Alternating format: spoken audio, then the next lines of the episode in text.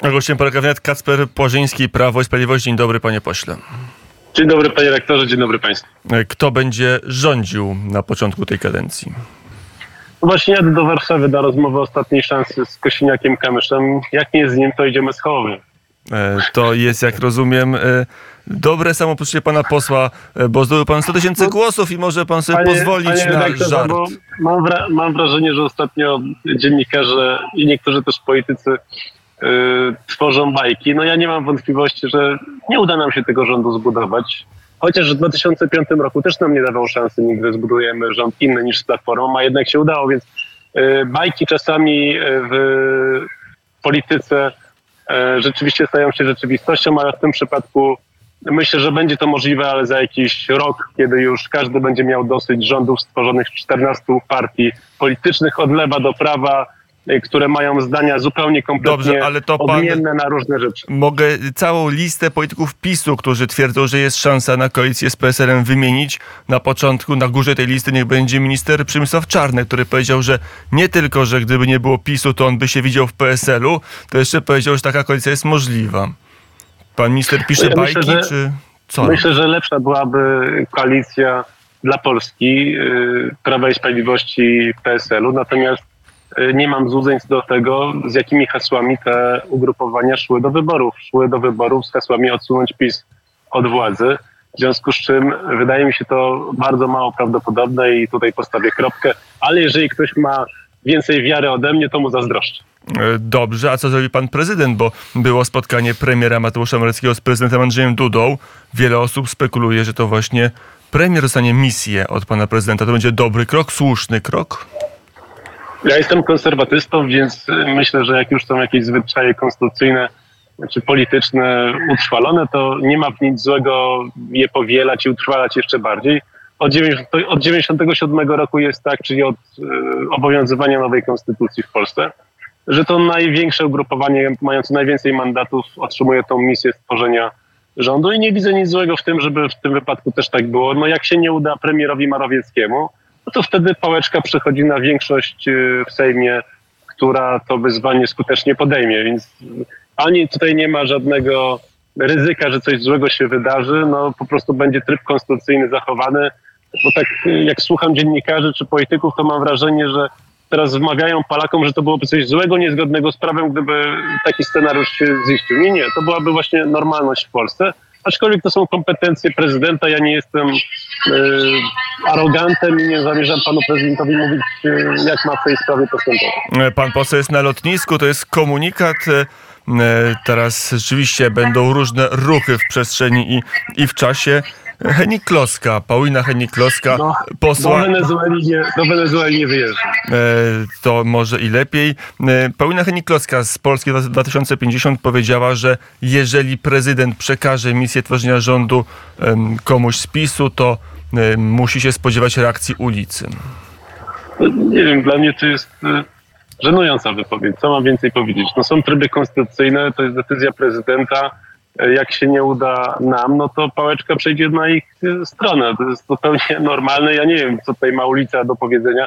Ulica się właśnie wypowiedziała, w sensie Polacy się wypowiedzieli i pokazali, że za rządów Prawa i Sprawiedliwość nie ma żadnego zamachu stanu, tylko jest rozkwit demokracji, bo tak należy traktować najwyższą frekwencję od 30 lat w Polsce, do czego się bardzo mocno przyczyniliśmy, bo za sprawą M-Obywatel, aplikacji na komórkach, na telefonach, dzięki którym nie wychodząc do urzędu można się przerejestrować i zagłosować tam, gdzie nie jest się zameldowanym. Dzięki temu tak duża grupa młodych ludzi, która wyjechała na przykład do dużych miast, mogła zagłosować.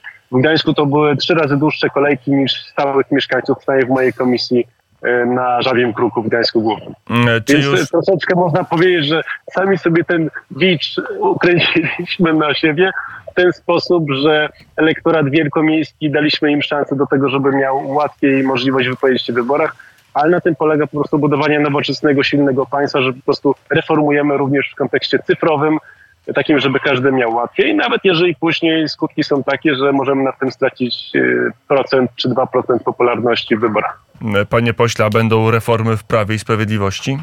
E, reformy zawsze powinny być, bo kto stoi w miejscu, to się tak naprawdę cofa, bo wszyscy inni powinni iść przynajmniej naprzód. Ja nie byłem w sztabie ogólnopolskim, więc tutaj się nie wypowiem, natomiast ze swojego lokalnego podwórka okręgu 25 mam wiele spostrzeżeń. One się tak naprawdę pokrywają z wnioskami jeszcze z poprzedniej kampanii wyborczej. No wtedy moje wnioski, hmm, chyba dlatego, że wygraliśmy wybory, zostały trochę Myślę, A jakie to były wnioski? Niekoniecznie, niekoniecznie wprowadzone w życie, e, zaimplementowane, natomiast tym razem mam nadzieję, że będę miał większy posłuch w Warszawie. Ale o tych wnioskach zamierzam rozmawiać przede wszystkim z kolegami z Nowogrodzkiej, ja a nie z dziennikarzami. E, wiem, wiem, rozumiem, my jesteśmy zawsze na końcu, ale może jednak radiosłuchacze Radia Wnet są godni, żeby jedną uwagę pan poseł im przekazał. Czego zabrakło? Jedna rzecz są godni, ale no, lojalność partyjna polega na tym, że o sprawach wewnętrznych. O sprawach wewnętrznych, o i tu się e, zawiesiło. Łukasz, zadawaj delikatne pytania. Jesteśmy z powrotem, tak, czy nie? jesteśmy, to wiem, niedelikatne pytanie, panie pośle, ja rozumiem. Nie, no niedelikatne. Nie no, moja wypowiedź jest jakże delikatna, no po prostu jestem lojalny i w tak ważnych sprawach wewnętrznych, partyjnych rozmawiam przede wszystkim z partią w pierwszej kolejności. Ale to nie ostatnie niedelikatne oczywistym, pytanie. Oczywistym, teraz... oczywistym jest to, że wydaje mi się, że zgubiliśmy retorykę. To znaczy nie spodziewaliśmy się takiego otwarcia młodych ludzi tym razem na wybory.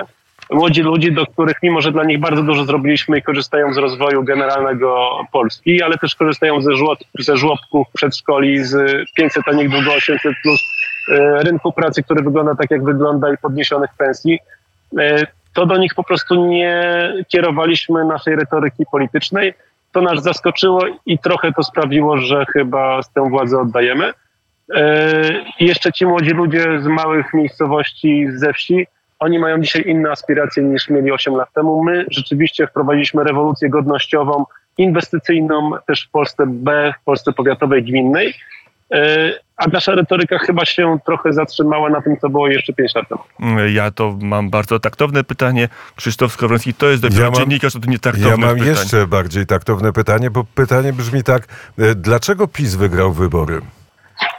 No bo przez 8 lat naprawdę to były najlepsze lata rządzenia Polską przez ostatnie 30 lat i te 7,6 miliona wyborców jest tego najlepszym przykładem.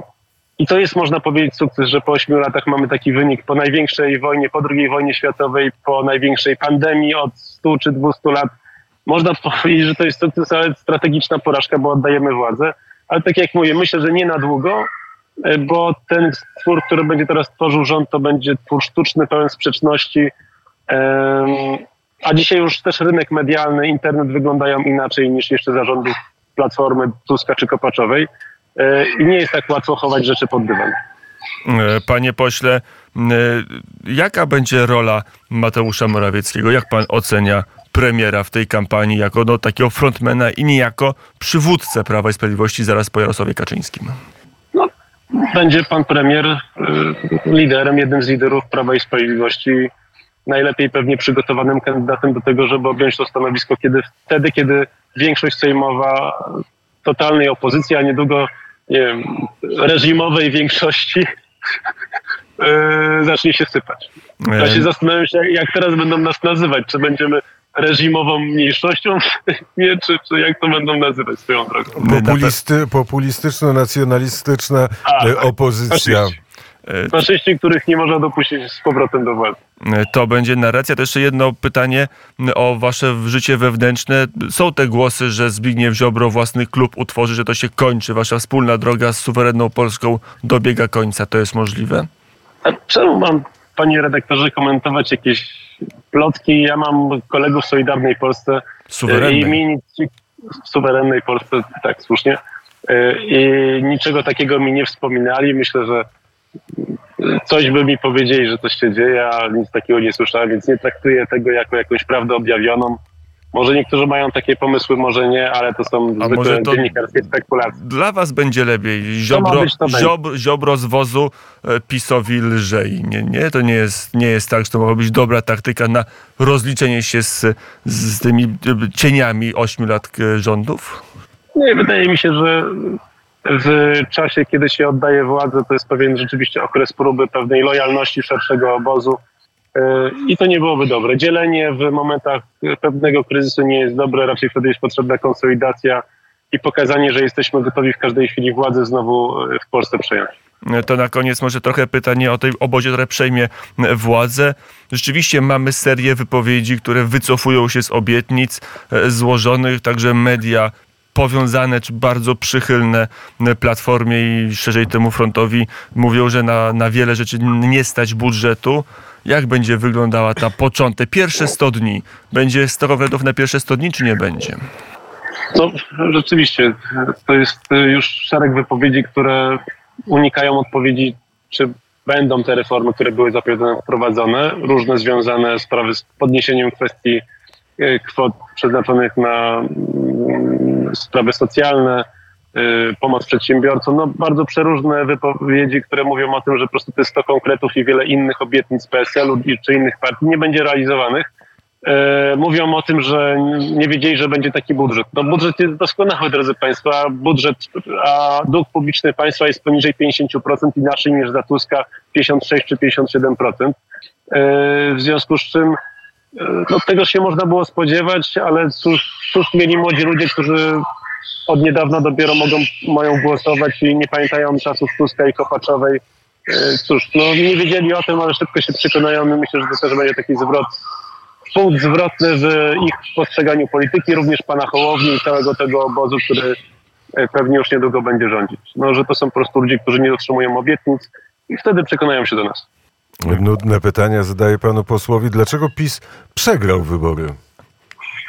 Ponieważ w ogólnopolskiej kampanii nie brałem udziału, nie byłem tej w sztabie, więc mogę powiedzieć o swoich wrażeniach, to już powiedziałem na początku. Przede wszystkim brakowało retoryki skierowanej do młodych ludzi nie tylko z miast, ale też z małych ośrodków, bo y, niespodziewanie gremialnie poszli do wyborów i mają już dzisiaj inne aspiracje niż mieli 5 y, czy nawet 4 lata temu. Po prostu bardzo wzbogaciliśmy Polaków i oni teraz inaczej postrzegają rzeczywistość, na inne hasła reagują. A pan w czasie swojej kampanii wyborczej to wiedział? Nie, też się tego nie spodziewałem, ale ja zawsze robię kampanię, bo no zawsze taką robię, to już Jaką? z kolei, która Jaką? no jest, jest bardzo pozytywna i staram się, żeby była merytoryczna. Yy, Bardzo dużo chwaliłem się też naszymi osiągnięciami. Tłumaczyłem, jaka jest nasza rola w Unii Europejskiej, bo też tutaj się czuję w miarę biegły jako szef Komisji do spraw, Unii Europejskiej, na którą właśnie za chwilę będę leciał do Warszawy. Yy, Więc ona tak wyglądała, ale zawsze moja tak wygląda. Mam taki chyba bardziej dobrotliwy charakter, panie rektorze, co nie zmienia faktu, że mówić o złych rzeczach i straszyć Tuskiem, bo wiemy, z czym jego rządy się wiązały, z rozbrojeniem Polski, z tym, że Polakom po prostu żyło się biedniej, gorzej. Trzeba było, tylko chyba to okazuje się, że nie była, zabrakło drugiej nogi. Być może, być może rzeczywiście to jest prawda. Mm, Tu stawiamy kropkę, czekamy. Może uda się spotkać w studiu, wtedy porozmawiamy szerzej o Unii Europejskiej, o tym, co nowy rząd może oznaczać dla, mm, dla centralizacji władzy w Unii Europejskiej, dla naszych. Tego się bardzo obawiamy i tu będziemy pilnować rządu, nowego rządu polskiego. Ale, ale Ale co to na- możecie zrobić? Co PiS i opozycja może zrobić? No, przede wszystkim informować i pokazywać, jak ta polityka w rzeczywistości jest prowadzona. Pokazywać Polakom. No, tego jesteśmy posłami, żeby pokazywać alternatywę, a nie e, powrót ludzi odpowiedzialnych za reset, e, żeby dalej realizowali takie cele, jak wtedy w swoich latach, e, kiedy gdyby dalej rządzili, bylibyśmy dzisiaj naprawdę w zupełnie innym miejscu, rozbrojeni, biedni, pod butem berlińskich przede wszystkim polityków, a nie e, jako przykład do naśladowania w Unii Europejskiej, jeżeli chodzi o rozwój gospodarczy, o czym nawet informują niemieckie, brytyjskie, wszelakie media, że po prostu Taka- jesteśmy pewnym cud- cudownym dzieckiem Europy. Dyskusja jest przed nami, ale to już musi być miejsce w studio. Obiecałem panu posłowi, że wypuszczę 25, jest 8.27. Kasper Porzyński był naszym gościem. Dziękuję bardzo za rozmowę. Dziękuję bardzo, się.